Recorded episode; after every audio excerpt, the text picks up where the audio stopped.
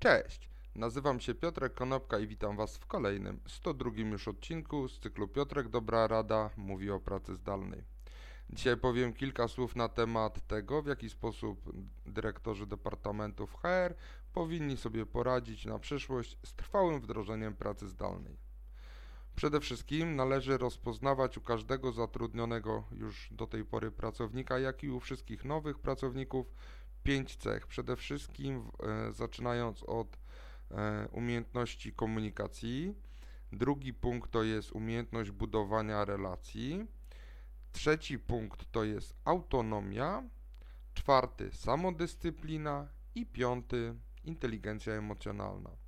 Na podstawie tych pięciu czynników należy zbudować obraz dotychczasowego pracownika, jak i można zbudować obraz potencjalnego E, pracownika w trakcie rozmowy rekrutacyjnej.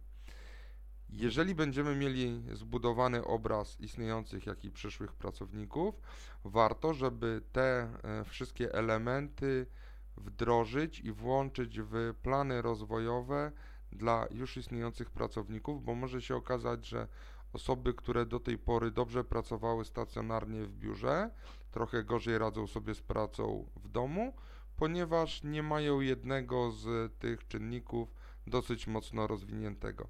Także wa warto położyć nacisk na rozwój któregoś z tych elementów, na rozwój właśnie taki, żeby pomagał pracownikom pracować zdalnie.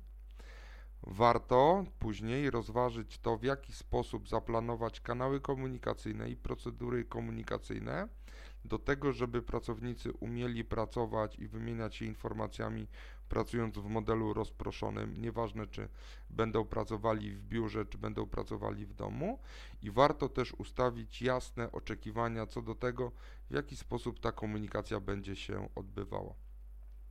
I na samym końcu należy e, pozwolić pracownikom na to, żeby samodzielnie próbowali i popełniali także czasami błędy w budowaniu relacji, żeby budowali poczucie przynależności do grupy, żeby umieli stworzyć wokół siebie atmosferę nie tylko takiego bezosobowego odizolowanego członka firmy, który wykonuje zadania i nie wie w jakim zespole pracuje, ale warto, żeby spotykali się na kawie, rozmawiali, budowali relacje i żeby tworzyli zespół.